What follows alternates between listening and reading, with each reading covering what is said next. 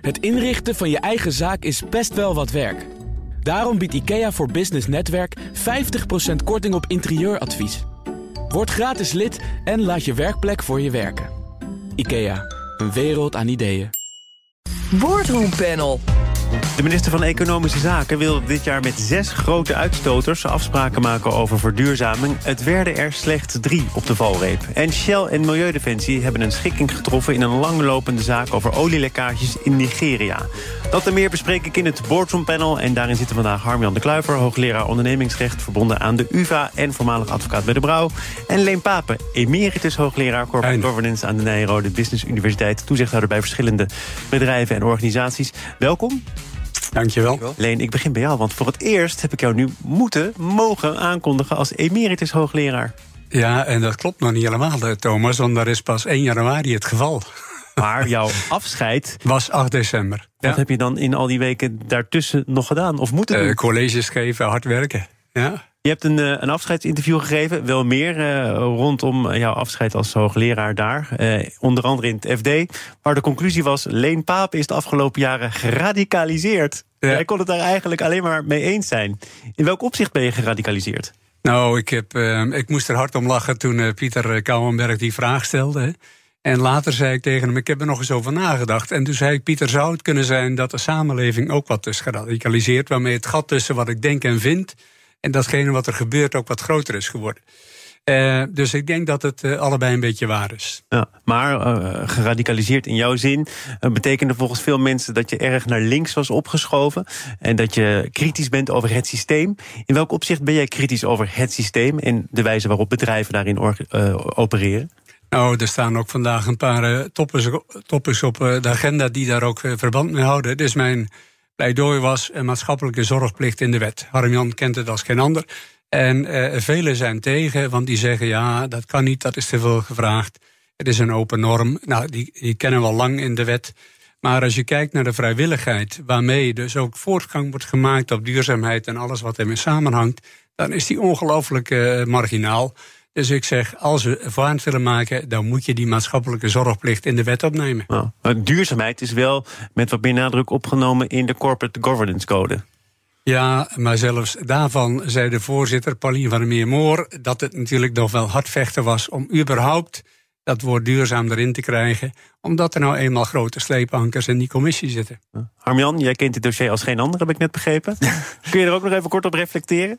Ja, um, nou ja, ik ben het er niet helemaal mee eens, maar dat, eh, dat, eh, dat weet Leen, want ik heb me daar ook in geschrift al over geuit. Um, ik denk dat wat je ziet, dat er wel degelijk grote stappen zijn gemaakt. Um, de, de bezwaren die je kan hebben, en Leen gaf het zelf ook al aan, in de sfeer van open normen, is dat je er eigenlijk niet zoveel mee kan. En dan moet je dus naar de rechter. En dan gaat de rechter per onderneming bepalen wat er gebeurt. Daar zitten we niet op te wachten. Wat er, wat er gebeuren moet, is dat je een centrale regie hebt over uh, duurzaamheid. En we zien dat in Europa. Er, komen, er komt een zeer verstrekkende uh, Europese regeling aan. Uh, de CSRD, onthoudt die afkorting. en, en ook een CSDD, de due diligence verplichtingen.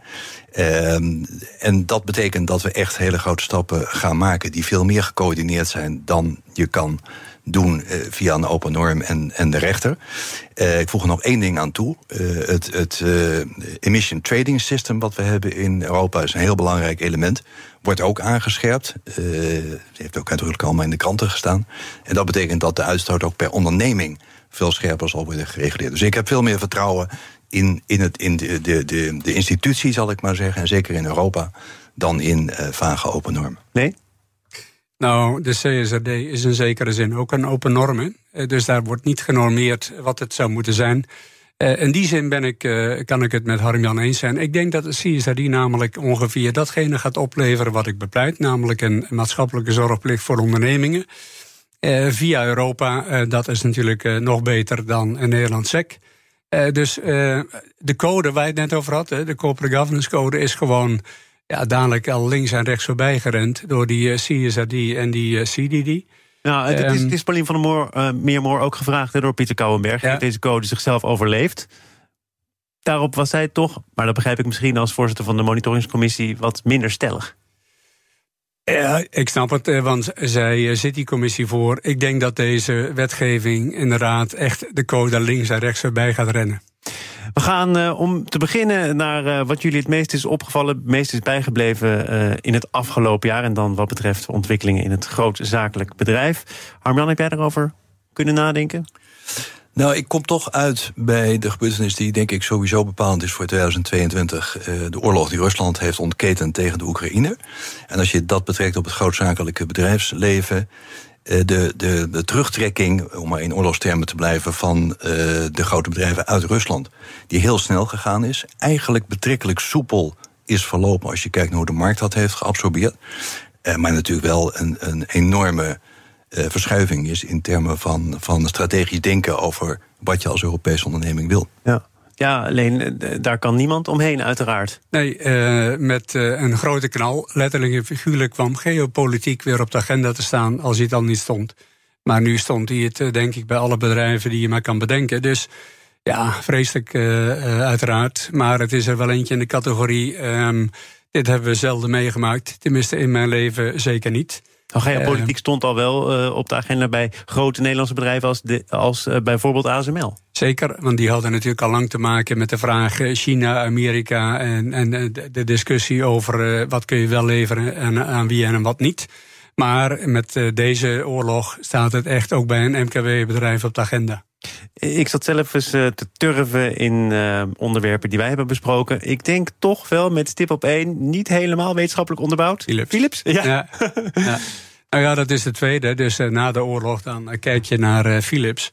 En dan zie je daar een bedrijf wat, ik noem het maar even, zingen en slapen liet ze op enige wijze. En daarmee ook uiteindelijk ongelooflijk veel leergeld betaald heeft. En ook het kostte ook ja, Frans van Houten zijn kop.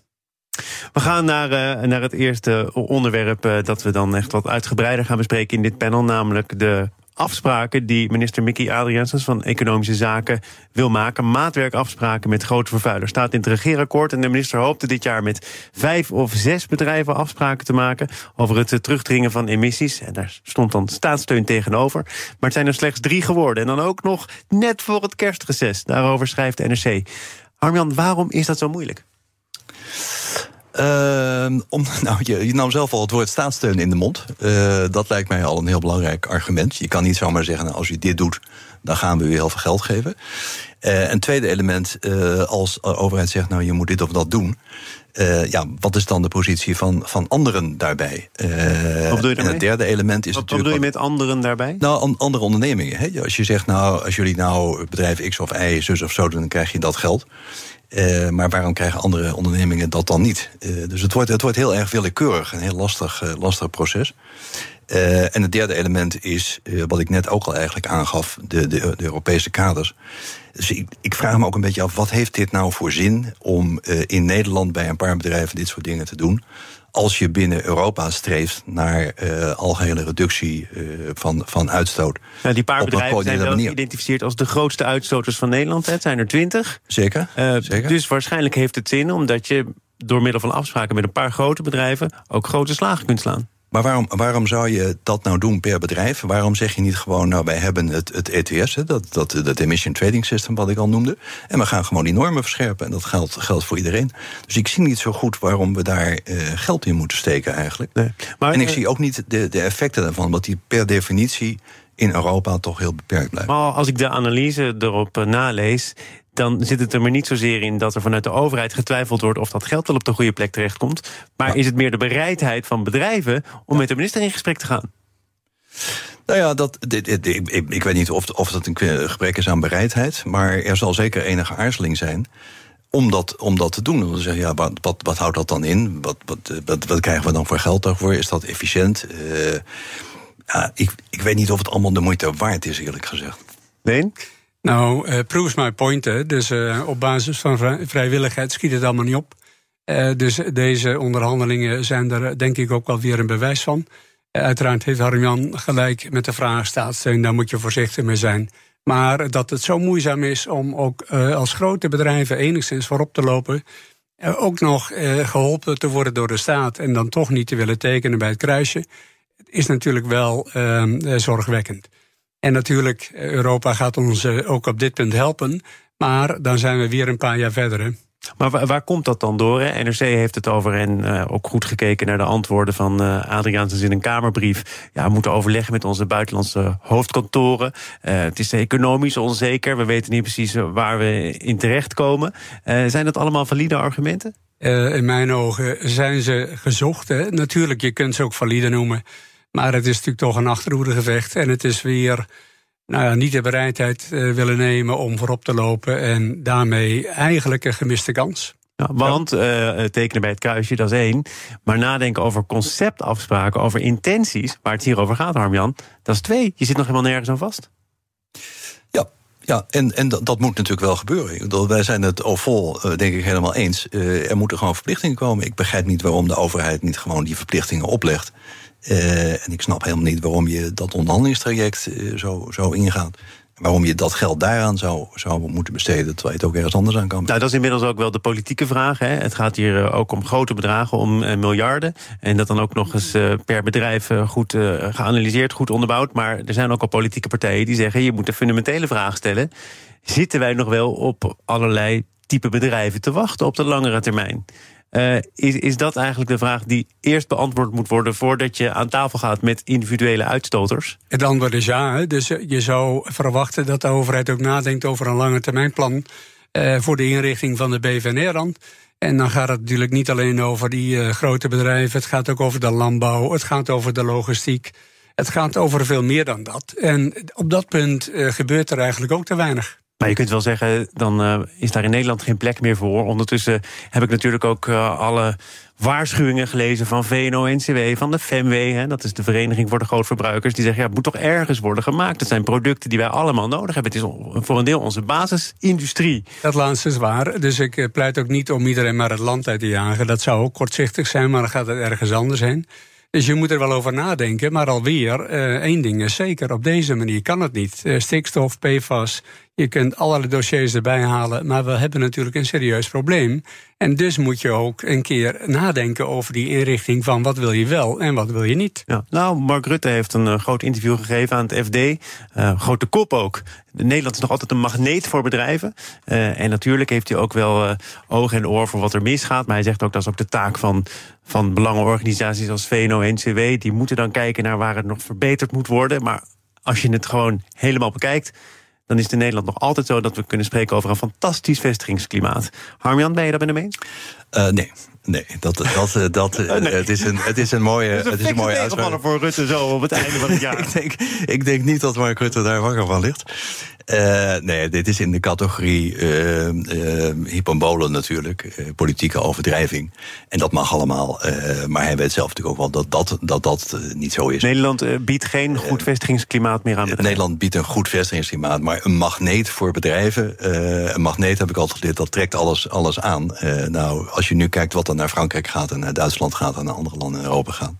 Uh, dan kan je in Nederland geen, geen magneet noemen. Dat is, uh... Nee, daar is ook wel een zorgwekkende ontwikkeling. Hè. Sommige hoofdkantoren die vertrekken naar buitenlanden, DSM, eh, Shell natuurlijk al vorig jaar.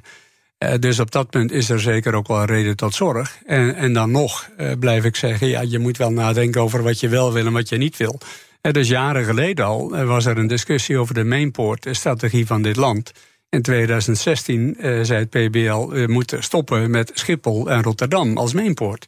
Weinig toegevoegde waarde, veel problemen. En sindsdien is er niks gebeurd en hebben we nog steeds dat, dat vraagstuk op, uh, op de tafel liggen. We gaan naar een vraagstuk dat uh, van de tafel af is, namelijk de schikking tussen Shell en Milieudefensie. BNR Nieuwsradio. Zaken doen. Thomas van Zeil. Het boardroompanel is het gast Harmjan de Kluiver en Leen Papen. Shell en Milieudefensie hebben een schikking getroffen... in een langlopende zaak over olielekkages in Nigeria. Als onderdeel van die schikking gaat Shell 15 miljoen euro betalen... aan onder andere lokale gemeenschappen. En Harmjan, om daar maar mee te beginnen. Milieudefensie zegt, uh, dit beschouwen wij als een schadevergoeding. Shell zegt, uh, er is inderdaad sprake van een schikking... maar dat betekent nog niet dat wij onze aansprakelijkheid erkennen. Maakt dat nou wat uit? Of gaat het gewoon om het geld dat met deze schikking gemoeid is? Nou, er zit nog iets anders uh, wat, wat belangrijk is. En dat is te onderscheiden tussen uh, de Shell Holding, dus de, de groep die in Nederland is aange, aangesproken, hè, dus de, de moedermaatschappij van Shell. En Shell Nigeria. Wat er nu gebeurt wat er is afgesproken is dat Shell Nigeria, dus de dochtervennootschap, betaalt 15 miljoen. Uh, dat was ook al eerder bepaald door de Nederlandse rechter dat de aansprakelijkheid daar zou liggen. En die aansprakelijkheid ligt dus niet bij de moeder. Dat is goed om, om, dat, om dat te onderscheiden. En is dat uh, betrekkelijk nieuw dat dat onderscheid zo gemaakt wordt? Nou, wat, wat echt nieuw is dat er überhaupt in Nederland heeft kunnen worden geprocedeerd tegen een dochtermaatschappij van Shell. En dat is uh, op zichzelf iets dat Milieudefensie heeft, heeft bereikt. Dus je, je kan in Nederland procederen. In Nigeria was dat waarschijnlijk veel moeilijker geweest. Maar als het gaat om de aansprakelijkheidsverhoudingen, is het niet zo dat uh, de moeder dus aansprakelijk wordt gehouden voor de schulden van de, van, van de dochter. En dat is wel belangrijk om even... Dus Shell Nigeria betaalt ook uiteindelijk? Ja, Shell Nigeria betaalt. Ja. Ja. Ik heb even gekeken op de website van Milieudefensie. Ik geef meteen toe, dat is uiteraard gekleurd. Maar daar zeggen ze uit documenten blijkt dat Shell betrokken was bij de bedrijfsvoering in Nigeria. Het moederbedrijf stuurde waar nodig bij, maar de olievervuiling en het lot van de gemeenschappen had daarbij duidelijk geen prioriteit. Uh, dat, dat heeft de rechter dus dan min of meer anders bekeken of van tafel nou, Er zijn twee dingen. Wat, wat de rechter heeft gezegd is... als het gaat om aansprakelijkheid... zit dat bij de Nigeriaanse dochter... Die, waar overigens de Nigeriaanse staat een groot belang in heeft. Hè. Uh, uh, en als het gaat om het toezicht op het zogenaamde leak detection system... dat is het tweede element van die schikking. Dus een, een systeem waardoor je kan zien dat er olie uit die leidingen loopt... en je dan uh, de zaak kunt, kunt stilzetten totdat het gerepareerd is. Dat is mede een verantwoordelijkheid van de moedervennootschap. En in die schikking, uh, wat jij ongetwijfeld voor je hebt... zie je ook dat inmiddels is vastgesteld... dat dat leak detection system is geïnstalleerd. Ja, 15 jaar over, over gedaan ja, uiteindelijk. Ja, en, en Shell uh, als moeder is natuurlijk wel aansprakelijk. Eh, om de dood eenvoudige reden dat ik als partner bij PwC 20 jaar geleden deden wij namelijk voor Shell uh, Social Impact Studies in Nigeria. Uh, dus toen al keken wij uh, vanuit PwC voor Shell over wat daar gebeurde en, en wat daarmee dan zou moeten gebeuren om die gemeenschap ook te helpen. Dus toen al was het probleem bekend. Toen al deden wij studies voor Shell vanuit Nederland aangestuurd. dus in die zin is het natuurlijk ook wel degelijk een zaak van de moeder dat het juridisch nu wordt afgewendeld op Shell Nigeria. Ik snap dat. Zo gaat dat wel vaker. Maar, zou niet zo moeten zijn, begrijp ik. Nee, het ontslaat Shell uh, niet van de plicht. En in die periode waren ze zich op het hoofdkantoor, toen nog in Den Haag, zeer bewust van wat daar gebeurde. Ja, maar dit is, dit is een juridische ja, wending de in rechter, de zaak. De rechter heeft het, heeft het anders uh, bepaald. Hij heeft gezegd, nou, de aansprakelijkheid zit niet bij uh, de holdingvennootschap, niet bij de moeder, maar bij Shell Nigeria. Maar er is wel een verantwoordelijkheid vanuit de moedervennootschap om in de gaten te houden dat er geen gekke dingen gebeuren bij je dochters. Nog even naar de reactie van Donald Pols, de directeur van Milieudefensie. Die zei over de uitkomst van de vorige week in dit programma het volgende. Ik ben ervan overtuigd dat dit de beste uitkomst is uh, dat wij hebben binnen kunnen halen voor de lokale gemeenschappen in Nigeria. Wij hebben uh, op sommige aspecten wat water bij de wijn moeten doen. Maar uh, onze uitgangspunt was dat de mensen in Nigeria, na jaren van uh, last hebben van de olievervuiling, dat zij er een keer op vooruit moeten kunnen gaan. Het is een antwoord op de vraag die ik stelde: is dit nou de best denkbare uitkomst? En daaraan voorafgaand zei die Shell is geen makkelijke onderhandelingspartner. Maar dat zullen ze ongetwijfeld ook van ons denken. hoe, hoe kom je dan uiteindelijk toch nog ergens wellicht in het midden uit? Nou, even één ding ten faveur van Shell. Dat weet ik dan ook vanuit die onderzoeken die we deden. De lekkages die daar gebeurden in Nigeria werden ook vaak gemaakt door de lokale bevolking en bendes. Die sloegen er zich werkelijk gaten in die pijpen om die olie ook zelf te kunnen verkopen.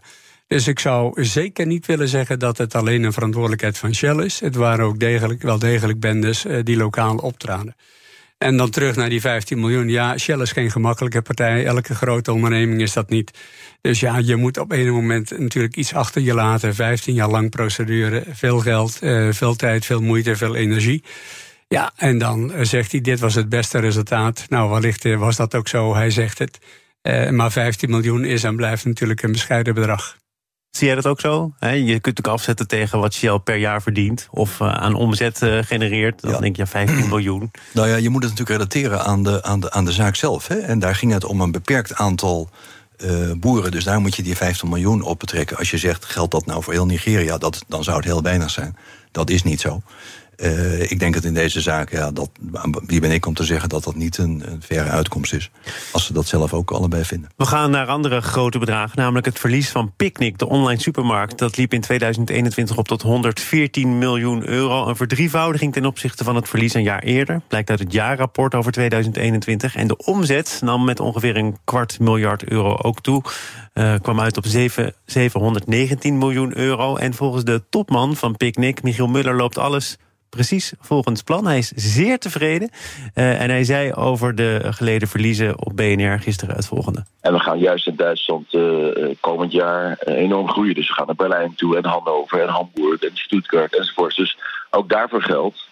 Daar moet je natuurlijk uh, investeren en dat, kost nou helemaal geld. En dat zullen een beetje verliezen op de koop toe moeten nemen. Leen, de kost gaat voor de baat uit, zo simpel is het. Of is dit toch wel een zorgwekkende ontwikkeling? Nou, de kost gaat inderdaad voor de baat uit. Maar ik ben wel benieuwd of 2022 uh, een, uh, een beter verhaal wordt. Want hij, ja, denkt, het niet. Tier, hij denkt het nee, niet. Getir, Deliveroo, uh, Just Takeaway, ze hebben allemaal enorme problemen. dus waarom zou het aan Picnic wel lukken? Ik ben heel benieuwd, want het kost ongelooflijk veel geld. Die logistiek, die distributiecentra.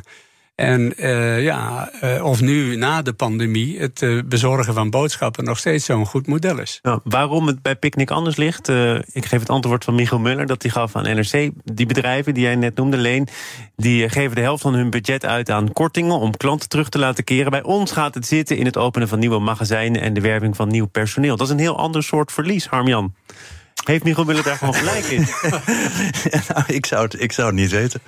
Uh, maar ja, zolang investeerders bereid zijn om er geld in te, in te stoppen, is er blijkbaar een business case. Althans, een business case waar mensen nog vertrouwen in hebben. Maar het kan bij die flitsbezorgers, hebben we gezien, ook vrij snel afgelopen zijn. Het. Ja, maar het interessante in deze markt is natuurlijk dat als iemand omvalt, dan, dan werkt het eigenlijk in het voordeel van de markt, omdat die wordt overgenomen door, door iemand anders. En je zag dat bij die gorilla's, die is overgenomen door, door Getir.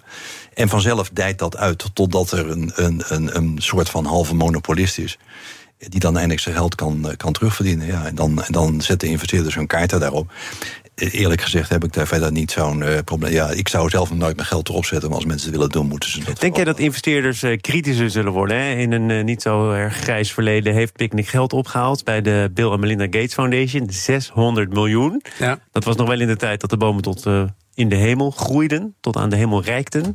Dat is nu wel wat anders. Maar toch, Zeker. het picknick kan in ieder geval over Nederland zeggen... als wij nu zouden stoppen met investeren, stoppen met groeien... schrijven we zwarte cijfers. Dus ons model klopt als er een bepaalde schaal wordt bereikt. Ehm, gaat dat investeerders over de streep trekken om hier toch mee door te gaan? Nou ja, dat is en blijft de vraag. Hè. Geld wordt duur, uh, inmiddels uh, een stuk duurder zelfs. Uh, dus of investeerders nog op die manier bereid zijn in een model te investeren waar in ieder geval een aantal gevallen van is gebleken dat het niet houdbaar was. Ja, dat, daar ben ik zeer benieuwd naar. En natuurlijk schaal, en Harmjan zegt het terecht, is natuurlijk key. En op het moment dat je de enige of de belangrijkste speler bent in die markt, ja, dan kun je natuurlijk je prijzen verhogen. Uh, en dan ben je wellicht spekkoper. Maar alweer, ik ben zeer benieuwd uh, of we iets gaat redden. Ah, wat, wat, moeten mensen als Michiel Muller of uh, topbestuurders bij andere bedrijven... die nu nog forse groei worden boeg hebben... wat moeten die doen om hun bedrijf hier een beetje rustig doorheen te loodsen?